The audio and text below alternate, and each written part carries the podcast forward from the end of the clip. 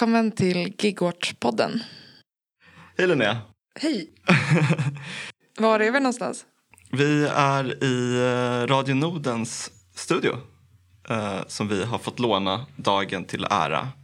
Och eh, din röst känner våra lyssnare antagligen igen. Du har varit med några gånger. Du är med i Gigwatch. Ja, jag hoppas det, att de inte har glömt mig. Vi har också två gäster med oss idag som är lite speciella.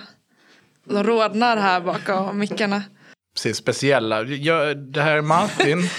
Vi är lite speciella. Det här är eh, den mindre speciella av oss. Eh, Martin Hansson från eh, podden Eld och rörelse.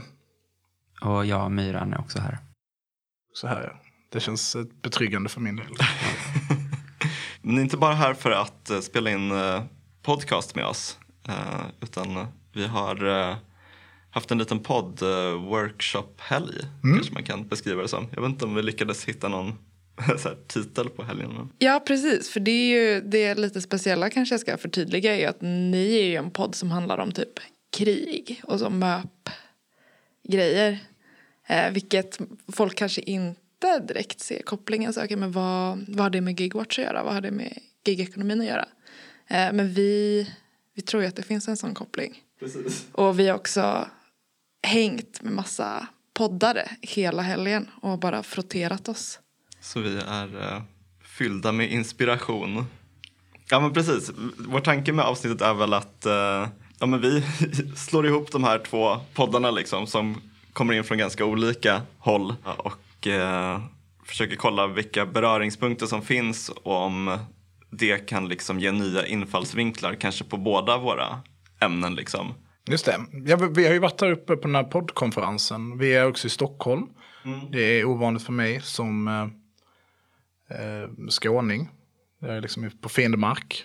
Det är ju känslan. Ehm, men det har varit en fantastiskt trevlig helg. Vi har eh, varit kul att få träffa eh, andra poddar. Och poddar som är på väg kan man väl också säga. Att det har, det har varit deltagare som kanske mer har varit i startgroparna. Just det, vi ska också passa på att tacka Skiftet, Ja. eh, vars lokal vi fick låna till eh, själva workshopen. Också väldigt schysst. Ja, men då tänker jag att vi eh, kör igång kanske med eh, att eh, ja, prata om någonting annat än meta podd Ja, men kan vi inte stanna lyssna, lyssnar ni på Eldrörelse? Eh, ja, jag har eh, lyssnat. uh, ja, men framförallt nu liksom under eh, det här Ukraina-kriget. Där ni har uh, ja, haft ganska under våren regelbundna avsnitt liksom, med uppdateringar. Det tycker jag har varit väldigt givande. Att, att liksom få ett lite annat perspektiv på den det som kanske dels hörs från i media men också från andra delar av vänstern också. Jag, jag tycker att det är, den är, det är en väldigt eh, nyanserad liksom, eh, bild som inte känns ensidig eller liksom, ideologiskt styrd typ. Vilket jag har uppskattat mycket. Du då, Linnea? Ja, jag har hört ett avsnitt av podden.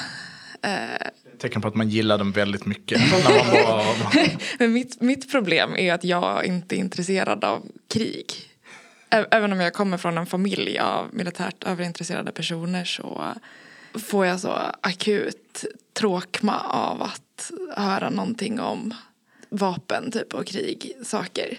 Eh, vilket är lite, ligger till last för mig när jag ska försöka sätta mig in i er podd.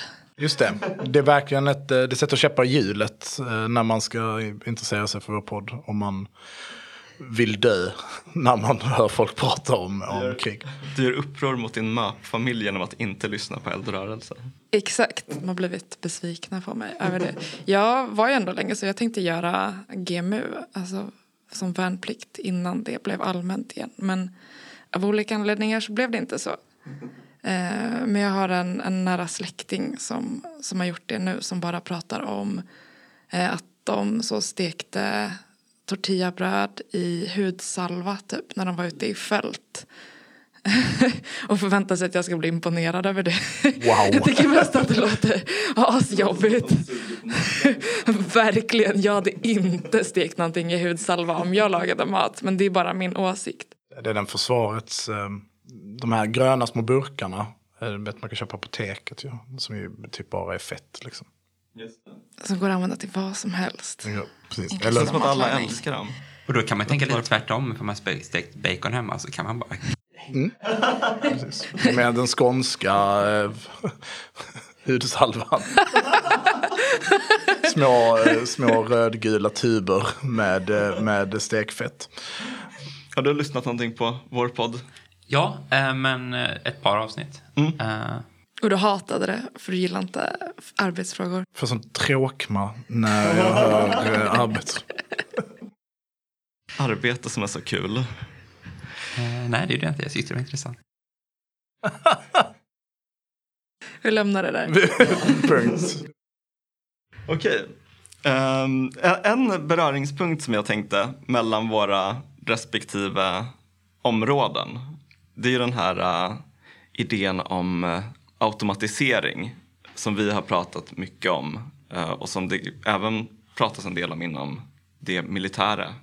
Och vi har ju kanske tidigare varit väldigt kritiska mot den här idén om att det finns någon liksom kommande automatisering av arbetet. Alltså det finns väl både ett perspektiv som är att jobben försvinner för att de automatiseras och det är negativt eh, för att folk blir arbetslösa. Och så finns det dels ett perspektiv som är så här, ja men det är positivt för att då slipper man jobba. Båda är fel. Ja, exakt. Båda känns i alla fall i dagsläget fel. Det, det är det här med liksom Uber har ju försökt marknadsföra sig till exempel då med att de ska ta fram självkörande bilar. Eh, även Foodora har ju lanserat någon liten så här leveransrobot och typ leveransdrönare. Men eh, grejen är att de här mest känns som någon slags eh, kul pryl som de typ vill eh, antingen visa upp för att eh, få uppmärksamhet eller som en sån liksom... Eh, alltså jag kommer ihåg att Foodora lanserade den här lilla roboten typ eh, så här veckan efter att de hade tecknat kollektivavtal. Så lite så här, är det här typ ett hot mot eh, arbetarna? Att så här, om ni kräver för mycket så bara kör vi ut de här robotarna, ersätter er. Men det banar ju också väg för helt nya typer av brott där man bara kan så bryta upp en sån liten robot på vägen hem för att ta ett, ett mål mat som så jägare och samlarna gjorde på, på stenåldern. Och det här är Men, faktiskt min eh, utopi. Att människor lever som jägare och samlare fast eh, äter robotar istället. För, Ät, äter innehållet i robotarna hoppas jag. Eh, när jag tänkte så här att en, en av de kritikerna liksom som finns mot det här automatiseringsperspektivet är ju eh, alltså inom arbete. Att det är helt enkelt olönsamt. Eh, och därför finns det inte ett incitament för väldigt många olika branscher att automatiseras. Det finns ju det inom till exempel industrin men kanske inte inom liksom, matleveranser. Men det militära området fungerar inte riktigt enligt samma princip kanske. Som är det här med liksom, ja men det som är mest lönsamt är det man eh, investerar i. Utan krig är väl på ett sätt eh, en väldigt liksom resursslukande verksamhet snarare än produktiv liksom. Ja, men eh, många olika linjer här. Liksom. Men, men för att svara direkt på det så kan man säga att ja, men, men resurser är också det huvudsakliga sättet krig avgörs på.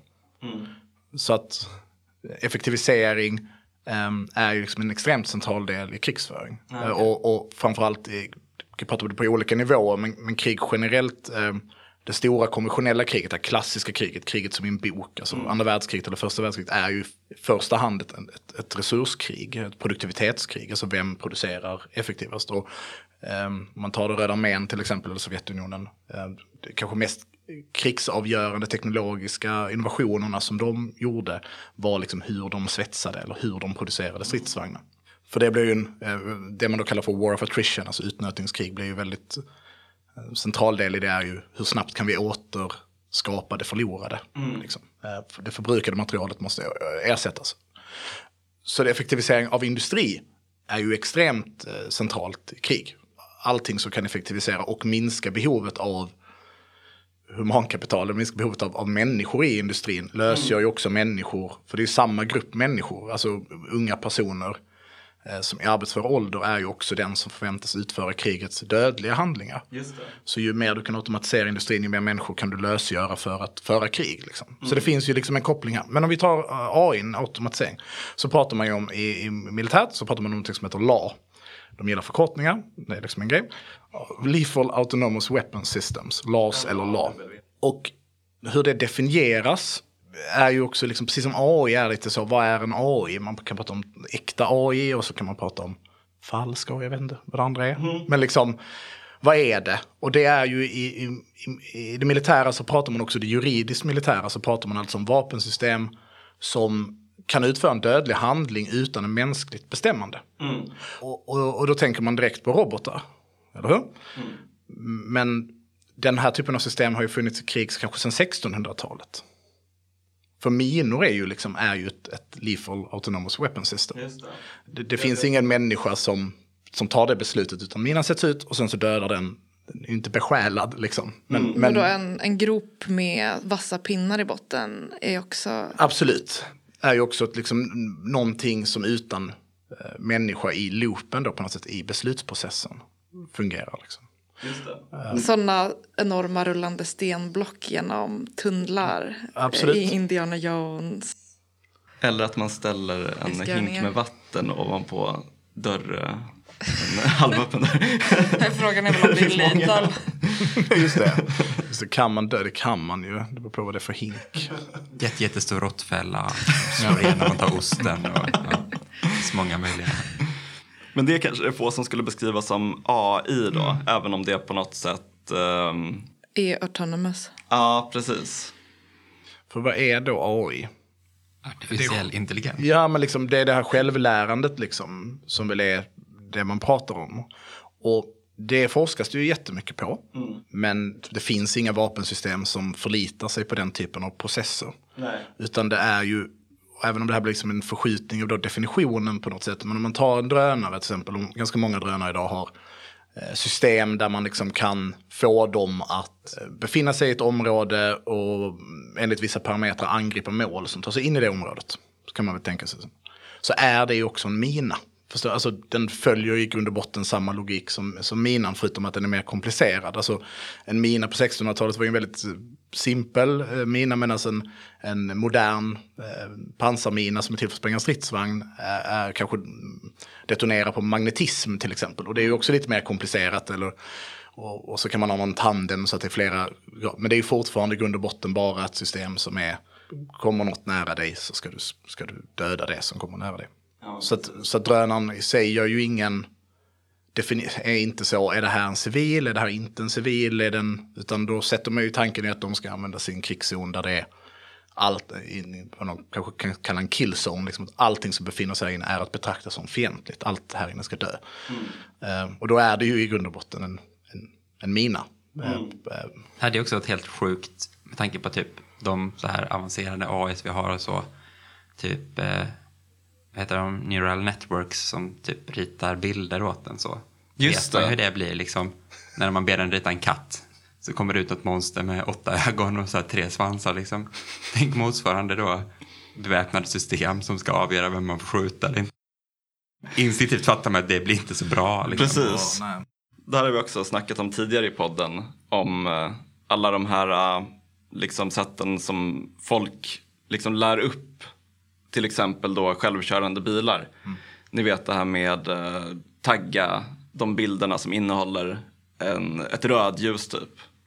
Eh, för att bevisa att du inte är en robot. De används väl ofta till sådana här liksom banker. Eh, som liksom ska få då autonoma bilar typ. Att känna igen liksom sin miljö. Så att de inte kör på folk eller inte kör mot rött eller whatever liksom. Ja, precis. För det är ju inte någonting AI kan göra själv. Den är ju väldigt dum i grund och botten. Och det är därför det känns väldigt skönt att kanske inte används inom stridssystem. Och det måste läras i upp nuläget. av människor. Och då är vi inne på gigarbete. Ja, precis. Kanske en av de liksom största formerna av gigarbete egentligen. Även om den inte märks så mycket. Som är just sånt här liksom klickarbete. Som delvis utförs liksom oavlönat som i det exemplet vi snackade om nyss. Eh, men som också liksom utförs av folk för väldigt låga löner. Liksom. Ambitionen med det är ju att bygga en, liksom AI-processer som är smartare. Vet ni om det liksom finns det ambitioner om, eller liksom diskussioner om att man vill få in mer AI liksom? Jo men det gör det det ju militära. såklart. Ja, men alltså det gör det. Och det finns liksom en forskning och en debatt på hur man, eh, vilka funktioner man skulle kunna tänka sig att de kan fylla. Liksom. Och den är precis så galen eller liksom eh, futuristisk som man kan föreställa sig. Att det finns liksom en debatt om stridsrobotar som liksom inte alls ser ut som i Terminator, vilket är tråkigt eller skönt kanske, utan mer som fula små bilar eller eh, de här hundarna. Just det, de är så jävla läskiga. Ja, och, och där kommer man liksom tillbaka, t- koppla då gigarbete, liksom, eller den typen av logistikarbete. Eh, Vi pratar om matleveranser till exempel. Och det är ofta den typen av arbetsuppgifter man tänker att de här systemen ska ha. Alltså den här hunden. Minns inte, men jag tror fan att jag... Visst såg man dem där redan för typ tio år sedan? Och i vilket sammanhang, ja, och i vilket sammanhang var det då? Det var ju att gå i terräng, att bära tung packning i terräng. Liksom. Ehm, så det var ju, alltså mula pratar man ju om. Ehm, och att, eh, att de ska liksom fylla den funktionen. Och det forskas det mycket på. Och jag, jag tror att Israel som ligger liksom i framkant i mycket av den här typen av forskning. De har ju liksom en, en egen eh, stort militärindustriellt komplex som forskar eh, på, på och ligger i framkant när det gäller drönare bland annat. De vet jag om de inte redan har börjat implementera den här typen av liksom, robotar som förväntas utföra vissa arbetsuppgifter. Men de är ofta kopplade till liksom just logistik, att, eh, att eh, bära saker. Mm. Jag tänker, det finns ju liksom i, i, inom arbete, eller liksom synen på typ automatisering och arbete. Där finns det ju som sagt då dels liksom eh, den här liksom domedagsvisionen om att alla blir arbetslösa för att allting automatiseras. Men det finns ju också den här positiva liksom, visionen av ett eh, samhälle där man faktiskt inte behöver arbeta. Alltså, finns det någon så här vision om att man ska föra krig i framtiden utan människor? Det gör det säkert, men av en idiot i så fall. det, alltså, nej, alltså för det faller på... Nej, men det, det tänker jag anspelar på liksom något vi har pratat en del om i, i, i vår podd, i Eldrörelse. Att det är den här liksom typen av eh, borgerlig förståelse av krig. Som har väldigt hög liksom, teknikfokus. Ehm, och att de ofta förstår krig egentligen som en, en kamp mellan maskiner. Det tror jag har att göra med att det, det är lättare att förstå krig på det sättet. För att du tar bort det fasansfulla i det. Alltså du tar bort människan, du tar bort dödsångest, du tar bort smärta, du tar bort lidande. Och det blir snarare liksom de här ingenjörshjärnorna som tänker ut smarta stridsvagnslösningar. Um, men det går inte att tänka sig krig utan, utan mänskligt lidande. Det, det, eller utan, utan död, utan soldater som är människor. För då är det inte krig. Nej precis, då är det väl något så robot wars istället. Ja, och du kan inte vinna någonting heller för att krig är ju liksom en, en eh, social konstruktion, om ni hörde Expressen. Och det, och det är ju det liksom ut i sina, sin fingerspets. Alltså det handlar ju om människors perspektiv. Det är ju det och människors eh, faktiska levnadssituation som ska förändras. Annars är ju kriget meningslöst. Alltså det är ju det du krigar om. Krig handlar ju inte om att döda varandra, utan döda varandra är ju ett verktyg för att uppnå politiska mål. Som att ta territorier till exempel, eller fördriva folkgrupper. Men det är fortfarande människorna som är det som är det, eller i en indirekt fas, alltså att det, du, du ska ta territorium eh, för en naturresurs till exempel. Mm. Eh, olja, eh, eller nickel, eller sulfur eller vad det kan vara. Men då är det ju för att någon annan människa inte ska ha till den här resursen tillgänglig. Så att det lidandet och, och, och kostnaden kommer ju ändå. Liksom. Just det.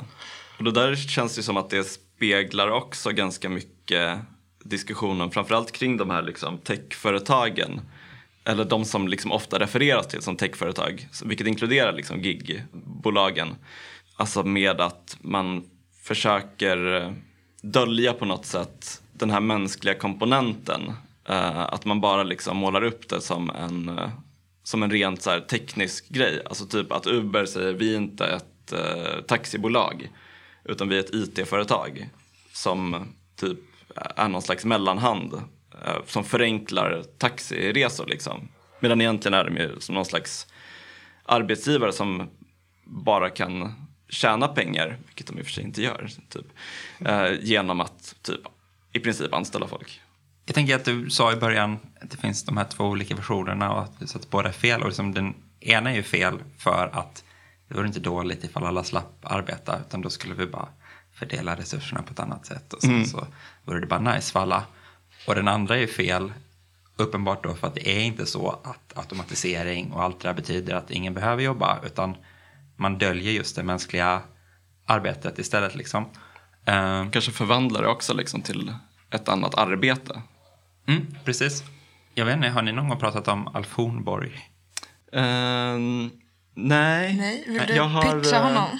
Jag, jag, jag har hört hans eh, teorier så här i andra hand typ. Eh, Ja, men jag har hört dem i första hand från, från hundens mun någon gång, men det var 15 år sedan nu eller någonting. alltså från honom personligen. Ja, jag har haft honom som föreläsare. Jag har Ah, okej. läst en termin humanekologi. Mm. Eh, No. ja, och eh, Vem är Alf han är professor i humanekologi i Lund.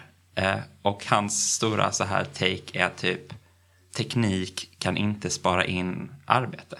Just det. Utan det handlar bara om att förflytta arbete i rum och tid. Men jag tror inte riktigt på det här liksom. För att någonstans på ett fysikaliskt plan, liksom, en hävstång är en enkel maskin.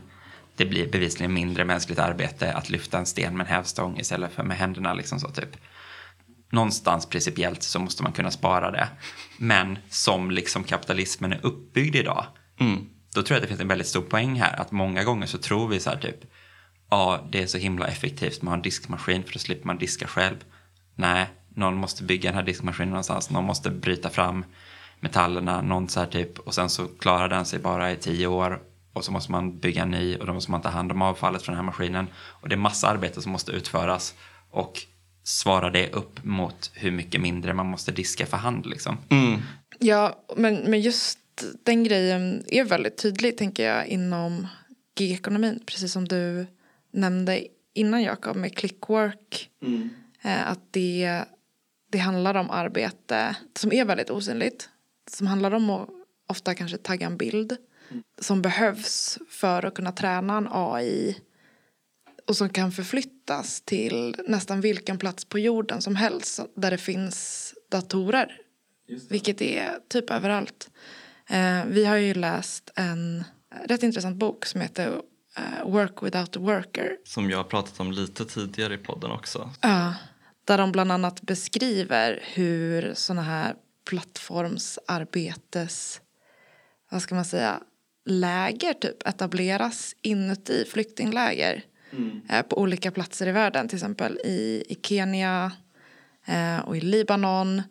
Där flyktingar som inte har någon möjlighet till försörjning som liksom hamnar utanför samhället liksom, på något sätt då erbjuds inom situationstecken att jobba med att så klicka på olika bilder och bestämma så här, var, var finns en lyktstolpe, var finns det en trafikkon skriva av den här texten snabbt för så några cent liksom, per uppdrag. Så det, det är liksom ett otroligt fragmenterat arbete eh, där de tjänar väldigt dåligt som medvetet förläggs liksom, till platser där folk är oerhört lätta att utnyttja för att de har inga andra möjligheter till försörjning. Precis. Det är en intressant grej han säger också. Att de liksom marknadsför sig ofta som så här, vi erbjuder ett jobb åt de här i den här liksom, utsatta situationen. Men, medan det egentligen kanske handlar om att de liksom aktivt söker upp de som är i en utsatt situation för att kunna få sitt arbete utfört. Eh, och att de är så, åh, men det är så bra för då kan man lära sig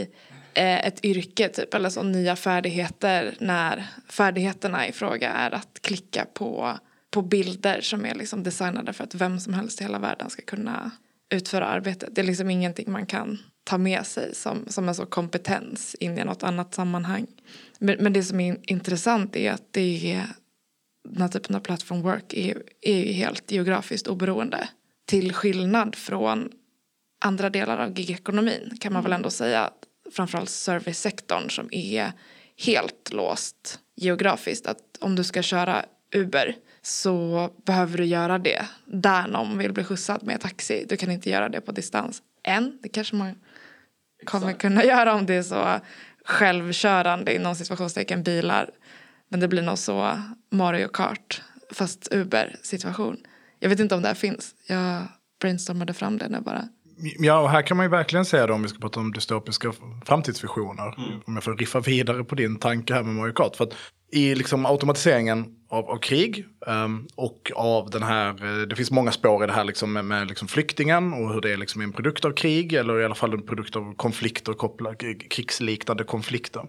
Så um, de flyktingläger och vilken roll flyktingläger spelar i krig. Inte bara liksom som en, en, effekt av kriget utan också som en katalysator för kriget i sig. Mm. För rekrytering av legosoldater till exempel så ser vi hur det växer fram. På tal om ett mycket bisarrt gigarbete liksom. Sultan Murad-brigaden till exempel som Turkiet använder eh, väldigt effektivt just nu i liksom att projicera makt i andra länder är liksom ett resultat av, av flyktingar från syriska inbördeskriget. Eh, det är de som ockuperar Afrin just nu till exempel spelar de en viktig roll i det.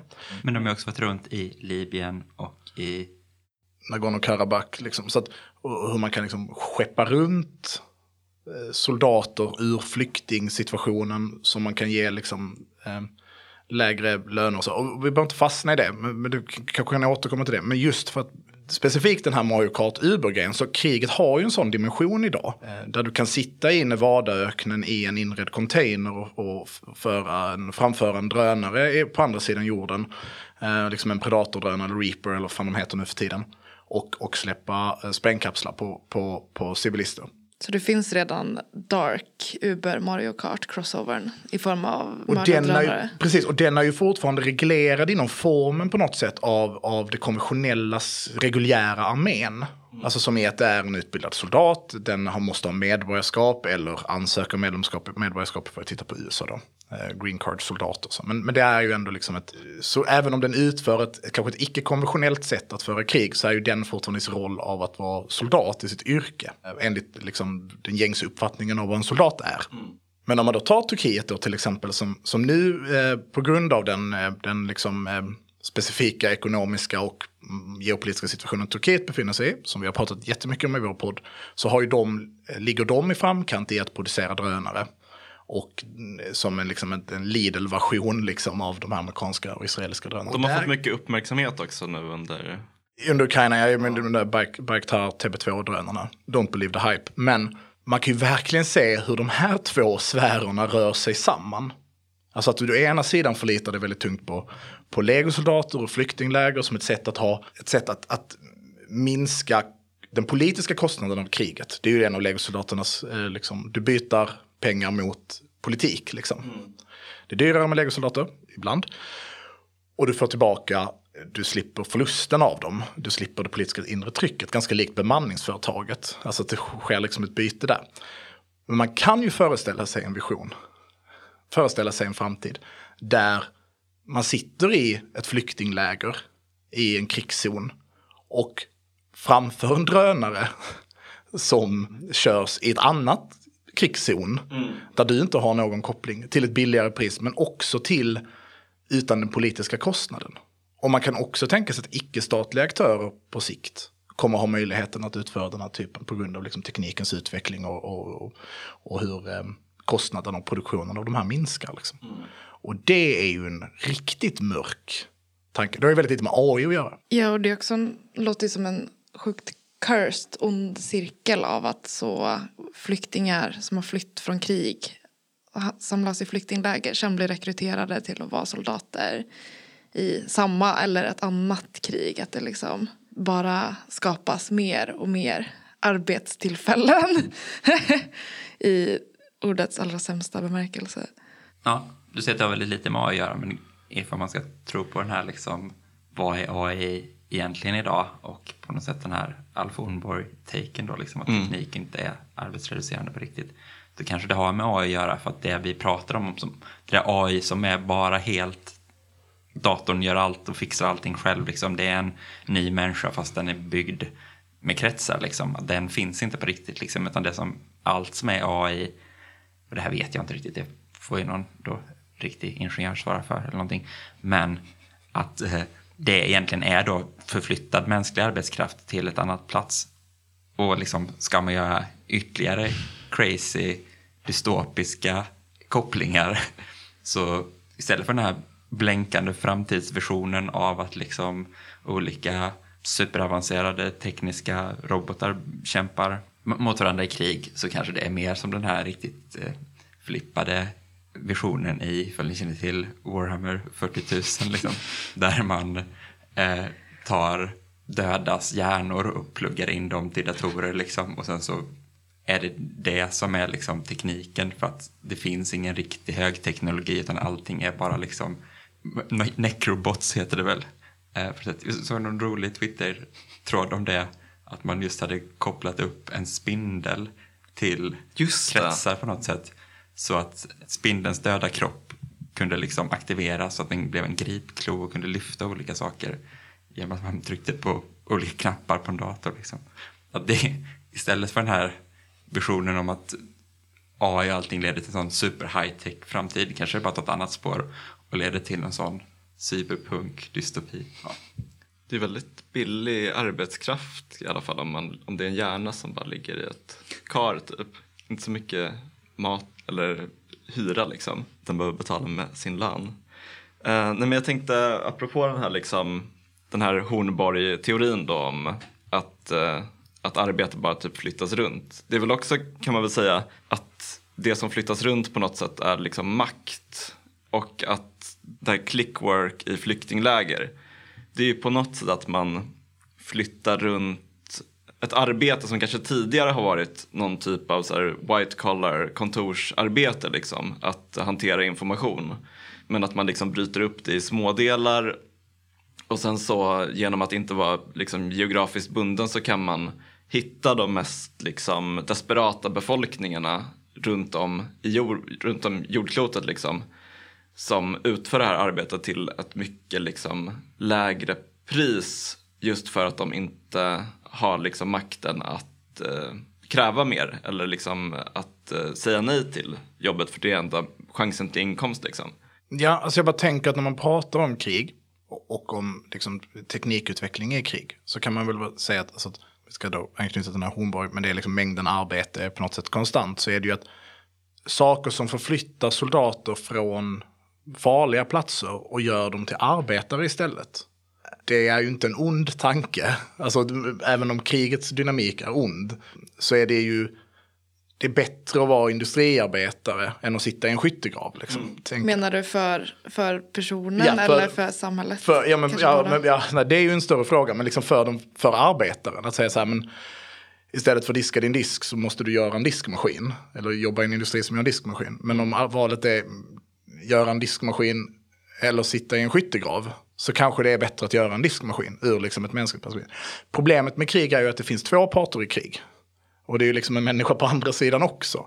Och, och här har man ju den, liksom, den teknikens utveckling och till liksom den hypermakten som väst, med specifikt USA, har blivit. Liksom. Och, och, det kan man ju inte glömma bort i den här processen. Det den här teknik, tekniska utvecklingen leder mot och syftar till är, är ju inte att stoppa krig. Mm. Utan, eller att förflytta alla arbetare från, från skyttegraven. Utan det är den ena sidans arbetare som ska flyttas från skyttegraven. Och om man bara får säga liksom vad poängen med AI är, i, alltså man, rent tekniskt vad syftet med det är i krig och vad det är man faktiskt tittar på. Så är ju det beslutsfattningshastighet, kan man ju säga. Eller has, vissa processer måste ske så snabbt att en mänsklig hjärna inte kan ta det beslutet. Mm. Och det är det ju väldigt stor Alltså det forskar man ju väldigt mycket på. Och, och det är idag i alla fall nästan uteslutande, förutom då minorna som vi pratade om tidigare, är ju kopplat till försvarssystem. Alltså det man kallar för APS, Active Protection Systems, som man kan sätta på en stridsvagn till exempel. Och då kan man tänka sig att det är ungefär som att man har en liten kanon på sin stridsvagn som skjuter ner saker som försöker skjuta på, eh, alltså själva projektilen som försöker träffa stridsvagnen. Eller motsvarande på, på fartyg liksom. Um, för att man hinner inte rikta någonting mot den och man hinner heller inte säga shit det kommer, ett, det kommer en robot. Mm. Som, alltså, alltså inte en Terminator-robot utan en, jag, jag får väl säga det nu bara för att jag hade begripit, en missil då. även om jag har fått faga mig själv efter att jag Och nu måste den skjutas ner. Och det hinner liksom ingen, ingen hinner trycka på en knapp. Utan man får liksom säga, kommer någonting i den här hastigheten mot vårt fartyg, då ska det skjutas sönder. Mm. Är det typ luftvärnssystem ja, också? precis. Och, och, och, många av de systemen är då nu då framförallt sitter på fartyg. Eh, men det händer ju olyckor med dem, skjutsande båtar till exempel, mm. som kör lite för snabbt. Eller, för man sätter ju ofta då liksom en radio och säger att men nu aktiverar vi det här systemet, nu är det liksom farligt och allting som kommer i närheten ska, ska förstöras. Nej, men så det kan väl bara vara värt att säga alltså var det faktiskt var det befinner sig idag. Och, mm. Men jag tror att den tekniska eh, riktningen på AI och den, den typen av, av, AI som vi pratar om nu just kommer kretsa runt logistik. Mm. Och att det kommer vara lastbilar. Om, om man vill investera i krigsindustrin, välkommen till Aktiepodden.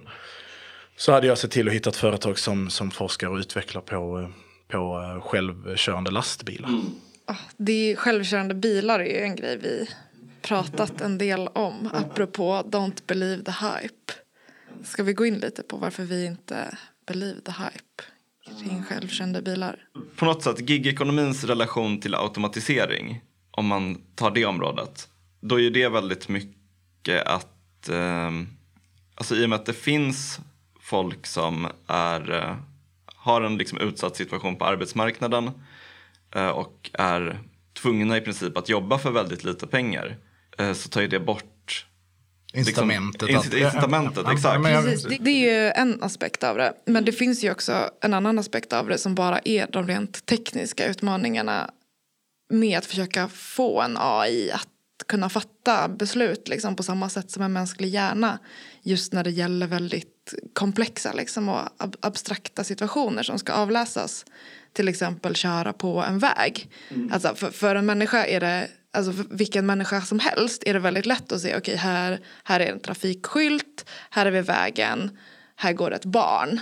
Eh, Medan för, för en AI att kunna identifiera de här sakerna liksom, i realtid och skilja dem från varandra är inte alls så självklart. Alltså, datorer är oerhört mycket bättre än den mänskliga hjärnan på många saker. Precis som du sa innan Martin, att här, ta beslut snabbt och kunna göra väldigt komplexa beräkningsprocesser. Eh, Medan att kunna se skillnad på, okej okay, här har vi en trafikskylt som står bredvid vägen.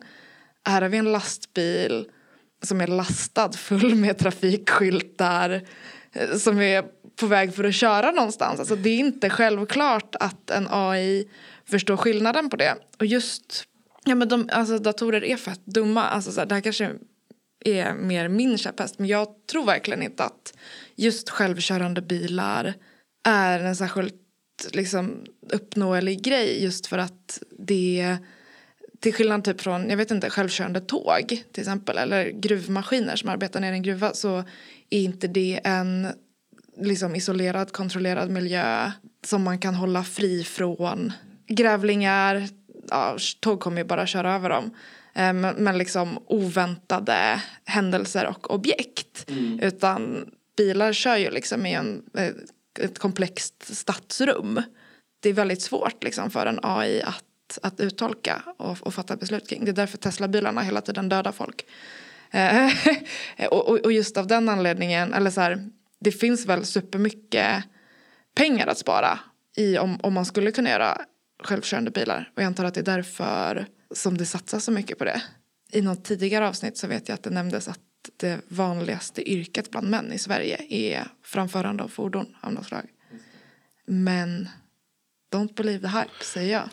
Jag ska förklara hur jag, varför jag tror att det kommer vara en grej. Liksom. För att, och det, det, här är ju det, då det cyniska kopplat till det vi pratade om tidigare. Att man föreställer sig att tekniken ska kunna flytta människor bort från skyttegraven. Så handlar krig vill uppnå situationen där man kan sätta så många människor i skyttegraven som möjligt.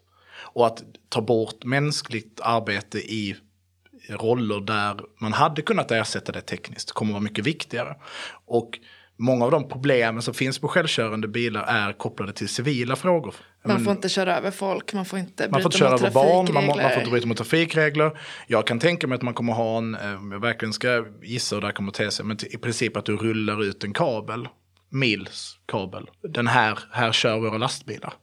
Det är den som bestämmer vad du kör. Det är inga trafikljus. Du har kanske militärpoliser som ser till att när det är korsningar att man stannar. När de här, alltså så det blir som tåg fast det är lastbilar. Mm. För att lösgöra humankapital. För att sätta dem i skyttegravarna. Eller patrullera. Eller utföra de arbetsuppgifter som robotar eller AI är helt värdelösa på att göra. För det här är ju krigets, krigets mänskliga dimension är att du måste ha människor. Alltså du måste ha, för, för att krig är ett, en mellanmänsklig sak. Du måste ha människor som förhör folk. Det, det alltså, du måste ha människor som projicerar politisk makt, i den, i det, för det är där krig är. Och det är, det är ju en av anledningarna till att USA har en av många anledningar, men misslyckats med sina senaste 20 år av meningslöst jävla krig i Mellanöstern. Är för att de har försökt minska den mänskliga faktorn. Och försöka ersätta den med till exempel drönare från Nevada. För att krig är, är någonting som sker, eller makt är någonting som sker mellan, mellan människor. Tar du bort människor ur den ekvationen så funkar det liksom inte. Men sen så köper jag liksom helt det här att liksom självkörande bilar så det är ju ljusår, alltså det är långt, långt fram i tiden om det någonsin är uppnåeligt liksom. Men kriget ställer ju också vissa av de problemen åt sidan. Eh, till exempel varför man kan ha luftvärnssystem som skjuter ner allting som kommer nära. För att om du råkar skjuta ihjäl något som du inte fick så är det... Vem ska klaga? Ja, och det gör du ju ändå i krig. Så råkar du också bara döda något som inte... Alltså det, det, det felet gör ju även människorna, så att säga. Och frågan är om till och med AI kanske är bättre på att inte göra det felet som eller det autonoma vapensystemet. Intressant perspektiv. Så egentligen Tesla borde satsa på självkörande lastbilar som bara åker via tråd.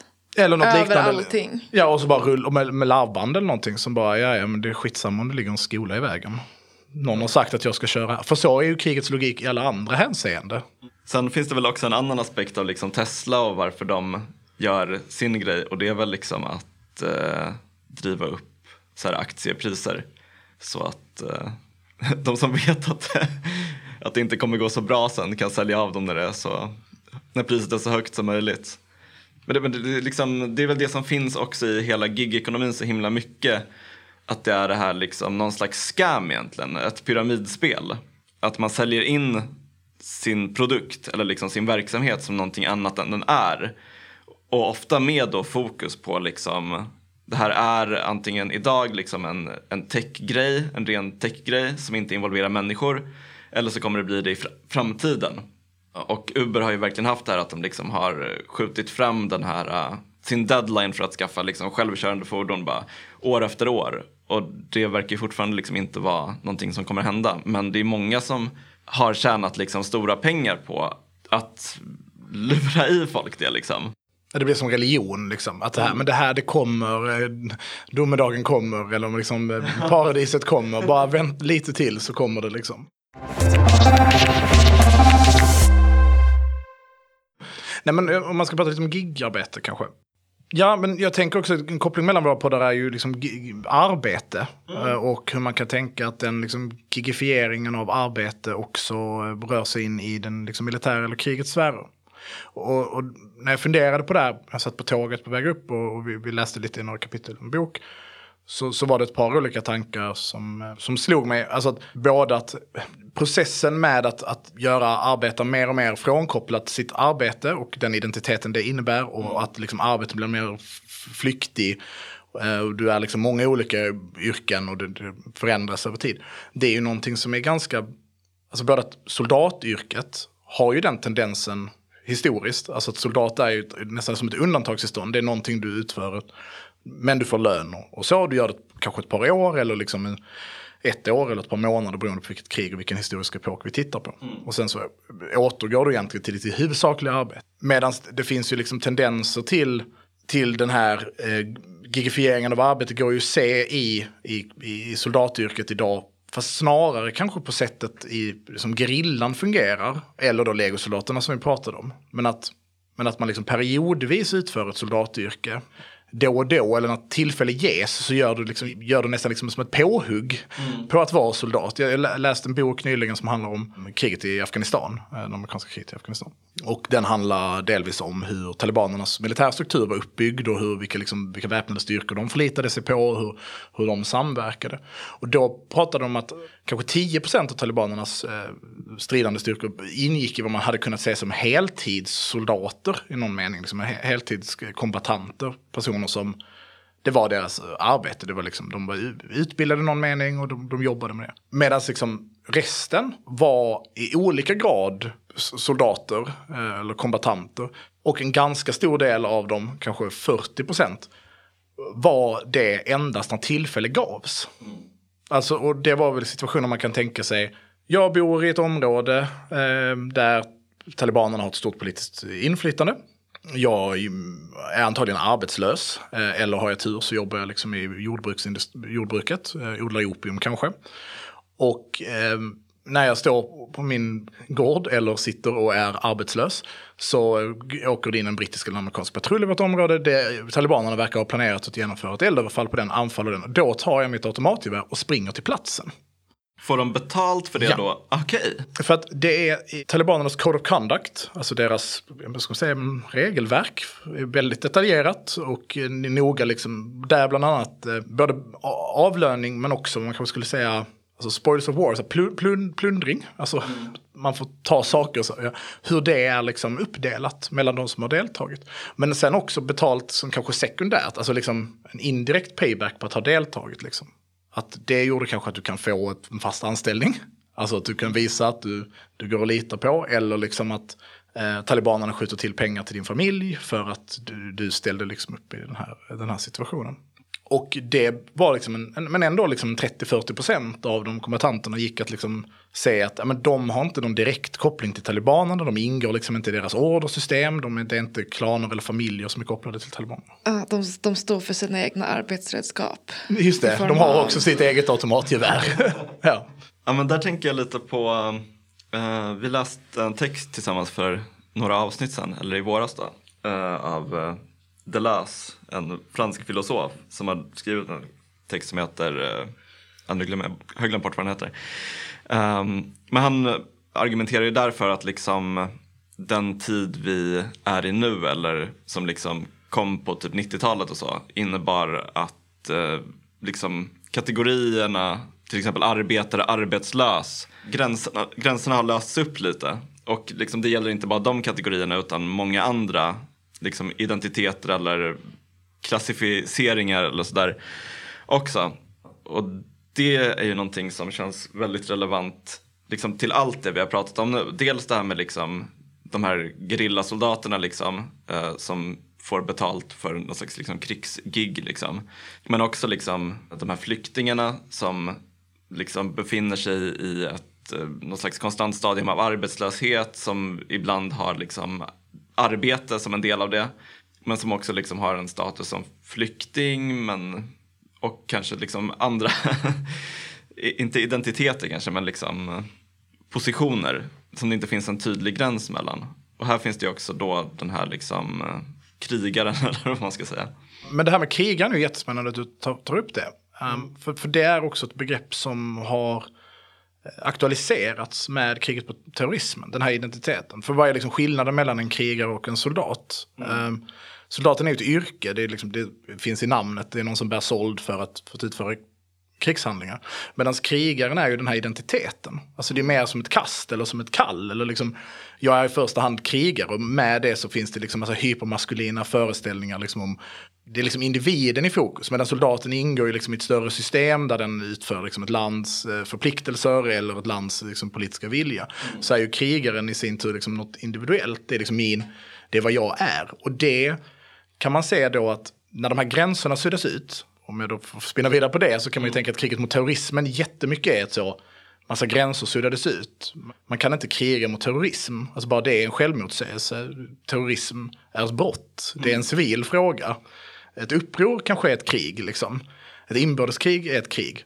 Terrorism är någonting som polisen hanterar. Men nu ska vi kriga mot det. Varför ska vi göra det? Eh, vad, är poäng? Vad gör vi i Afghanistan? Vad gör vi i Irak? Och när man då har den här bristen på humankapital så mm. kan man ju lösa det. Om det är krig, då har ju stater regelverk för att hantera det. Alltså att man helt enkelt säger nu ska du kriga, annars sätter vi dig i fängelse. Så det är löst. Mm. Men är det inte krig, vilket kriget mot terrorismen rent juridiskt inte var, vilket gör det ännu mer förvirrande. Alltså USA aktiverade inte sina krigslagar. Okay. Vilket gör att de inte kan drafta, de kan inte tvinga in folksoldater i, i sin armé. Mm. Då hamnar man ju i ett, ett problem. Uh, och det, det, liknar ju lite den här gig-hypen, liksom, eller livsstilen av hur det bara är så här nice och bara lite workish. Så bara gör man lite jobb och så är man fri och så får man göra lite vad man vill. Att man var tvungen till liksom bygga upp en ny, eller liksom stärka en annan typ av identitet, vilket var jättekopplat till maskulinitet. Och det var ju att liksom bygga myten om krigaren igen. Det finns liksom ja, men direkt liksom skrattretande exempel på det här. Min favorit kanske är två böcker. Den ena som heter Drone Warrior. Hela idén om krigaren som någon som liksom befinner sig i ett krig och är så maskulin och bara slåss och känner så här. Drön, drönarkrigaren är alltså en kille eller tjej som sitter i en container i Nevada och dödar folk med en Xbox-kontroll. Eh, eh, okay. Eller Eric Prince, alltså Blackwater, tidigare Blackwater, där legosoldatsföretaget i USA, som skrev boken Civilian Warrior. Som också är liksom en själv... Alltså man försöker bygga upp i, i myten om... Tänk eh, poliser i USA, Punisher-loggor. Det är liksom vikingahjälmar, riddarhjälmar, det är svärd och yxa. Alltså så att idén om krigaren var ett sätt att få unga män framförallt att liksom göra det här, vad det nu än är vi gör. För att poängen är inte krig i meningen vi ska uppnå politiska mål, för de är ju diffusa, vi vet inte riktigt varför vi gör det här. Mm. Utan det är liksom du som individ, du ska bli en krigare och liksom ha det som din identitet. Och hur det är liksom propagandamässigt och, och identitetsskapande var liksom väldigt viktigt för USA att, mm. att bygga upp det.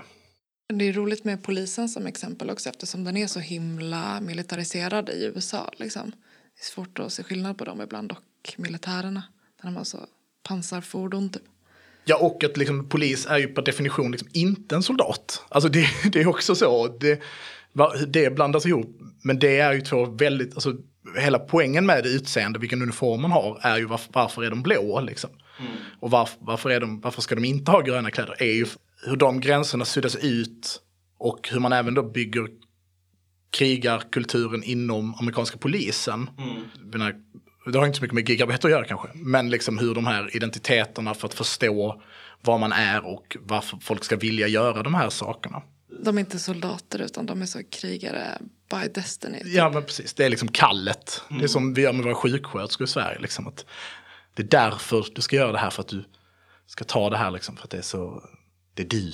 Just det. Men, men jag tänker kanske lite kopplat till rollen som krigare kan man inte se rollen som entreprenör?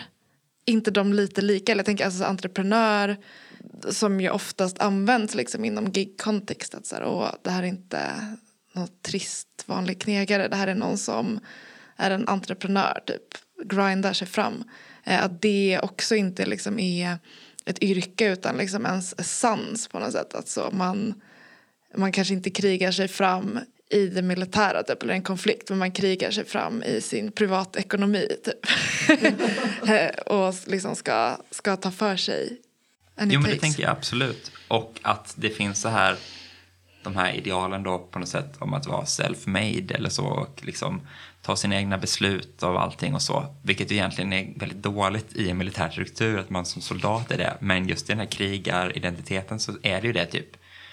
Eh, jag vet själv hur man gör. Jag behöver inte lyda order för att eh, det är en sån filmtråp liksom om den så här krigaren inom militären som bryter sina order för den, han som det, det är Tom Cruise du tänker på. Vilken Tom Cruise jag tänker på vet egentligen vad som är bäst och bara gör det. Och det är inte en del av hans jobb utan det är hans öde liksom.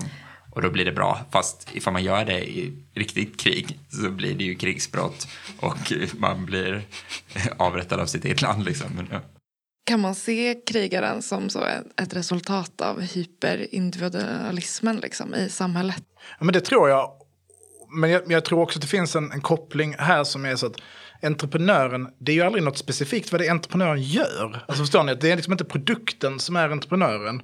Det är inte så jag, jag uppfinner nya mediciner och gör pengar på det. Utan det är mer så att jag är entreprenör, jag ska bara göra pengar. På samma sätt som en soldat är ju så nu är jag i det här kriget för att vi ska uppnå X. Det är liksom nazisterna ska störtas som makten i Tyskland eller eh, landets gränser ska försvaras.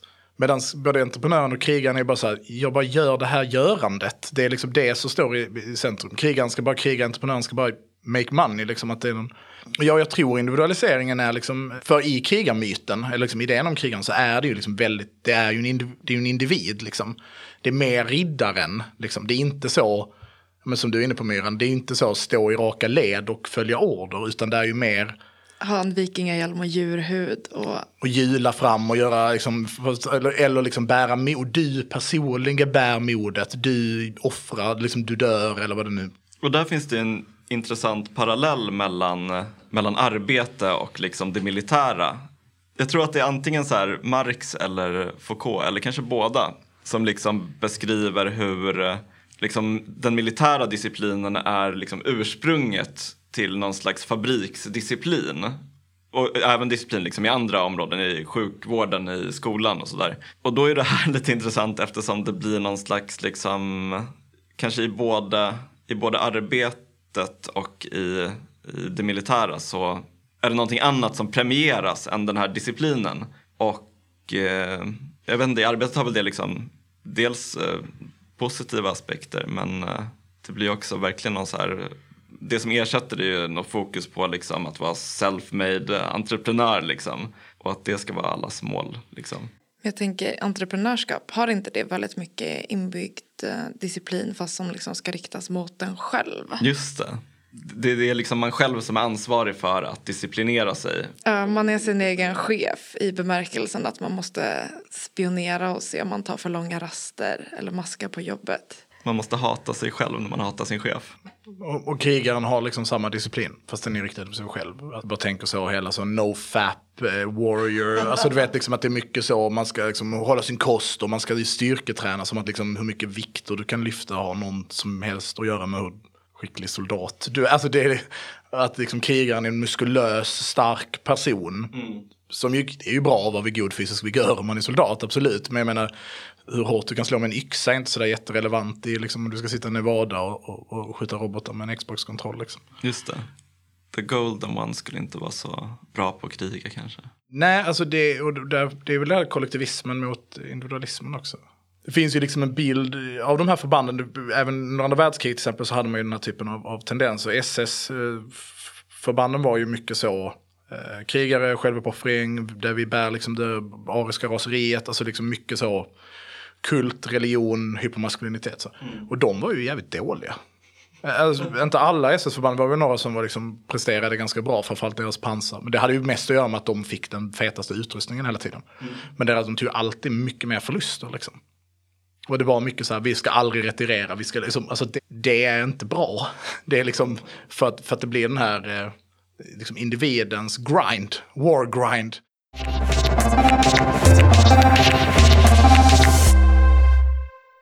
Okej, min take är... Det här är alltså Lovina som pratar nu. Ja. Kom in i studion för att leverera en take. Ja.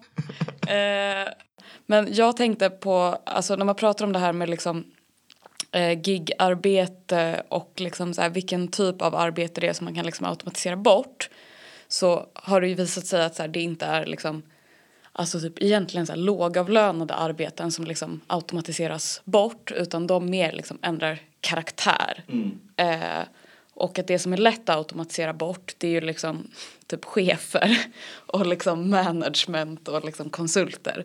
Som i liksom alla gigappar är ju liksom att det är en app som är en chef. Kan man liksom tänka sig någonting sånt inom det liksom militära. Att det liksom är eh, en äh, app, NATO-appen som, som, äh, som liksom dirigerar soldater istället för liksom en officerare. Du har helt rätt. Det, det, det, det, om man ska prata om hur det faktiskt man föreställer sig hur det ska användas då förutom logistiken så är ju det precis det. Alltså um, underrättelseofficeren till exempel som sammanställer data Eh, Eh, är ju en lite hotad position. Tänk allt liksom på den strategiska nivån, alltså ovanför kanske liksom det faktiska krigandet, liksom, men upp, liksom, eller faktiska striden och upp till liksom det mer strategiska. Så har du allt med kartor, eh, topografi, alltså den typen av frågor som ju annars är en ganska välutbildad person som har gått på universitet som förväntas sitta i en stab och hålla på med det. Den eh, är ju hotad, alltså man tänker att datorn tar den rollen.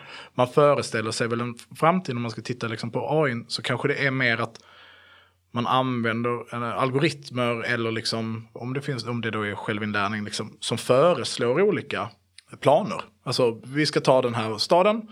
Jag har räknat på den datan ni har matat in. Det är också vi som har samlat in datan med hjälp av spaningsdrönare som har kunnat liksom, och satelliter. Hur många trupper har fienden, bla bla bla, bla hur ser den ut? Vi kan, och säger vi kan anfalla den här staden på de här fem olika sätten. Och det är ju liksom inte eh, krigargrinden, utan det är ju ett skrivbordsarbete som försvinner. Liksom.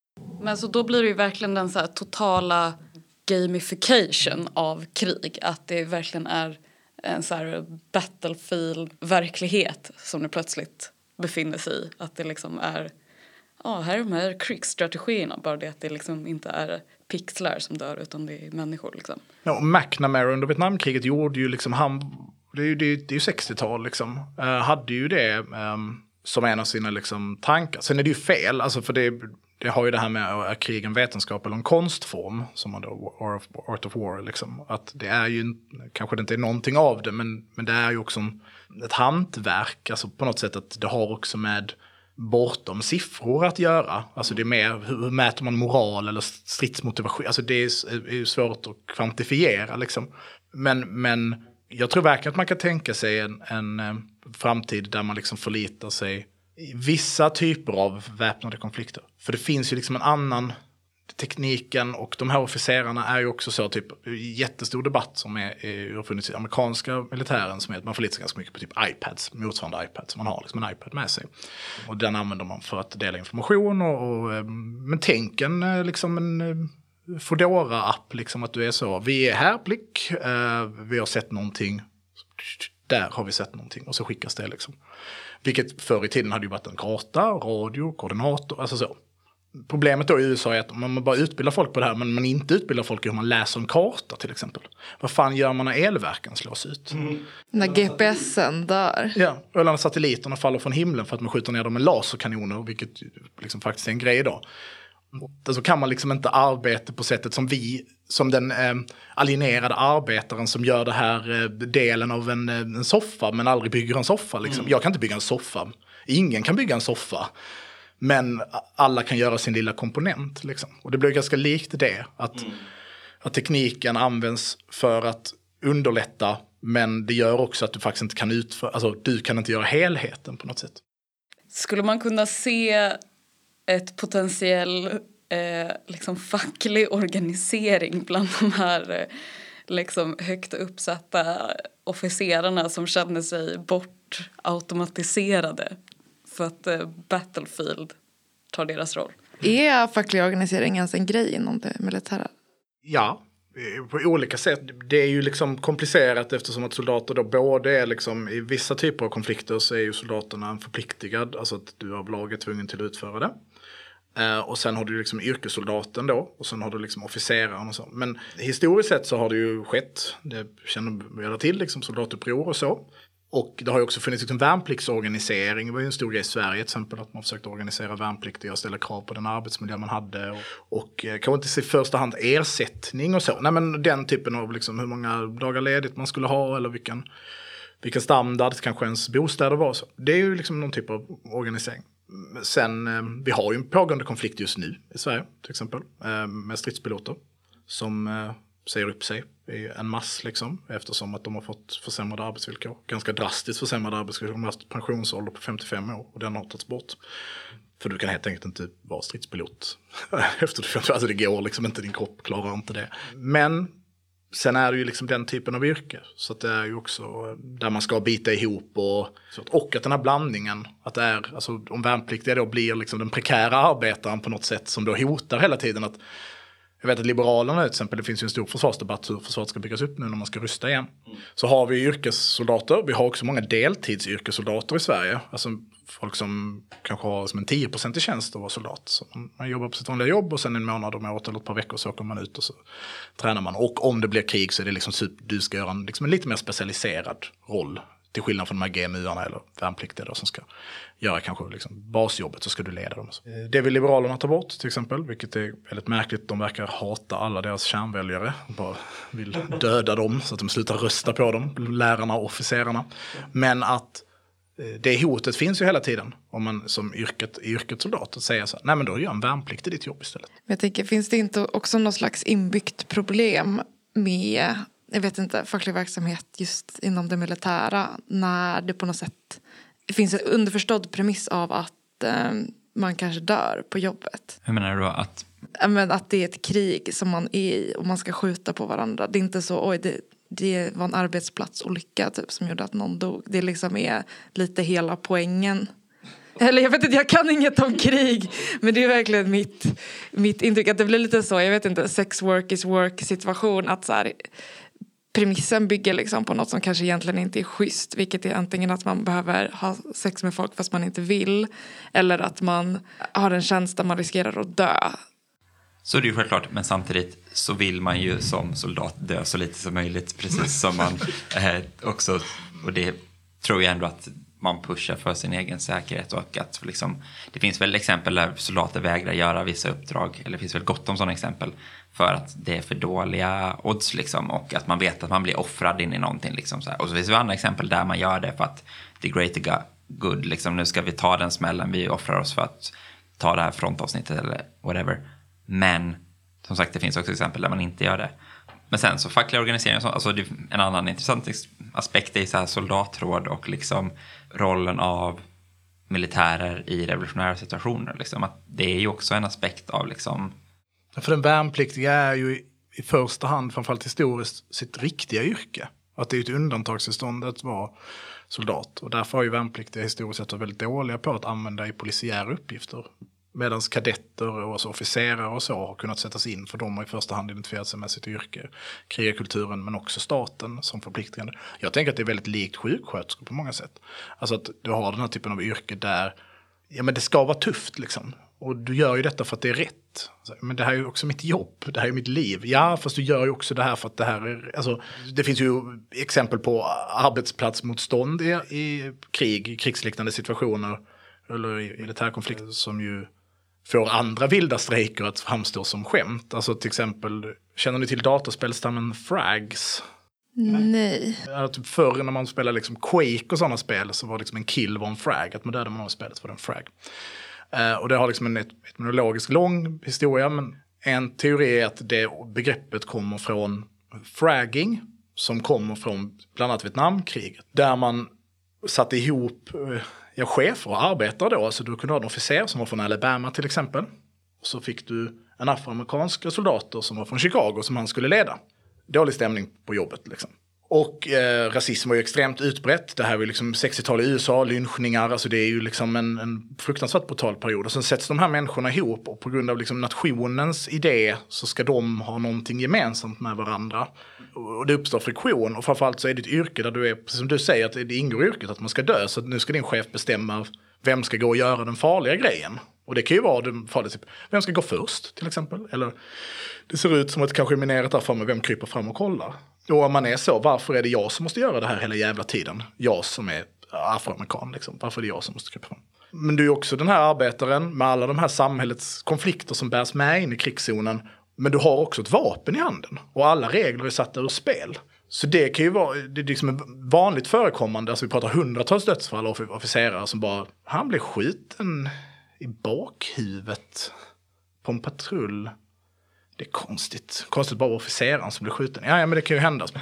Nu har det här hänt. Samma område liksom ett par gånger. Vi kanske ska ut, vad är det som har hänt? Så, Fan, det här är ju en av våra kulor. Vem var det som sköt den här eh, Alabama-officeren? Ingen aning, det är konstigt. Var någon vietnames som hade ett amerikanskt gevär? Okay. Så då är man så, nej men fan vi kan ju inte göra det här liksom. De kommer ju, vi kommer ju få dödsstraff liksom. Krigslagar liksom. Ja, och USA, så man hade ju kunnat få dödsstraff ändå. Um, så då börjar man med fragging istället. Som helt enkelt är att man, när din officer ligger och sover, så tar du en handgranat så kastar du in den i tältet. Och då frag an officer, frag grenade, det är liksom där termen kommer ifrån. Splittret heter liksom en frag, granaterna. Och jag tror att en av liksom de oroligaste stunderna internt, förutom då när de evakuerar Saigon hängandes från sina helikoptrar, är ju när Martin Luther King blir mördad. Eh, för då är det ju liksom, då förs hela den konflikten, den samhälleliga motsättningen förs ju till Vietnam. Där de på radion får höra att Martin Luther King har blivit mördad. Mm. Och så sitter du där med din vita officer ute i djungeln. Som antagligen är en klanmedlem. Och, och så tas liksom den konflikten, samhälleliga konflikten över till den här situationen. Fast bara liksom uppskruvad 120 procent eftersom att alla sitter med vapen, PTSD, heroin. Alltså, och sen så spelar den ut sig. Och då var det liksom lockdown i stora delar av, av Vietnam. Där man liksom skickade in alla soldater tillbaka till sina regementen, militärpoliser ut, kravallpolis, alltså du vet väl liksom. Det är ju, även om det är ett undantagstillstånd så existerar ju alla de samhälleliga motsättningarna existerar ju också i, i kriget på något mm. sätt. Och Irakkriget 2003 så är en av de första förlusterna USA tar är en Fragan Officer. Jag vet inte om ni minns det, eller att det var bara en kille som var så här, fuck det här kriget, bara gick och kastade in en handgranat i sitt, sitt officers, officerarnas tält liksom. Ja, det är en facklig praktik man inte hör om så ofta. Det är tillgång på handgranater, det är lättare i Malmö kanske. Innan vi rundar av, vill ni säga någonting om er podd? Var kan man höra den? Den kan man höra på Radio åt alla som är en kanal där vi har Allt åt alla har många olika poddar och andra poddar kan vara med där också. Och där utkommer vi varannan vecka på torsdagar klockan sex på morgonen och har så gjort i två och ett halvt år nu. Så ställ klockan med andra ord.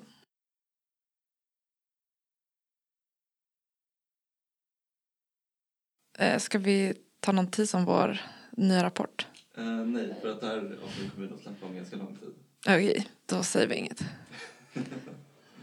Tack så jättemycket för att du deltog tack för den här helgen. Framförallt. men, Superschysst, det var jättekul att vara vara här. Eh, Um, Innan vi Ja. rundar av, vill ni säga någonting om er podd? Var kan man höra den?